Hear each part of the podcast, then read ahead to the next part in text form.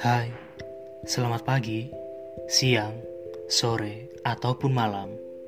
Apa kabar? Ini laman untukmu, untuk kau dengarkan di kala suka maupun duka, di kala terluka maupun baik-baik saja. Laman ini dibuat agar kita bisa berbagi cerita, terutama terkait asmara.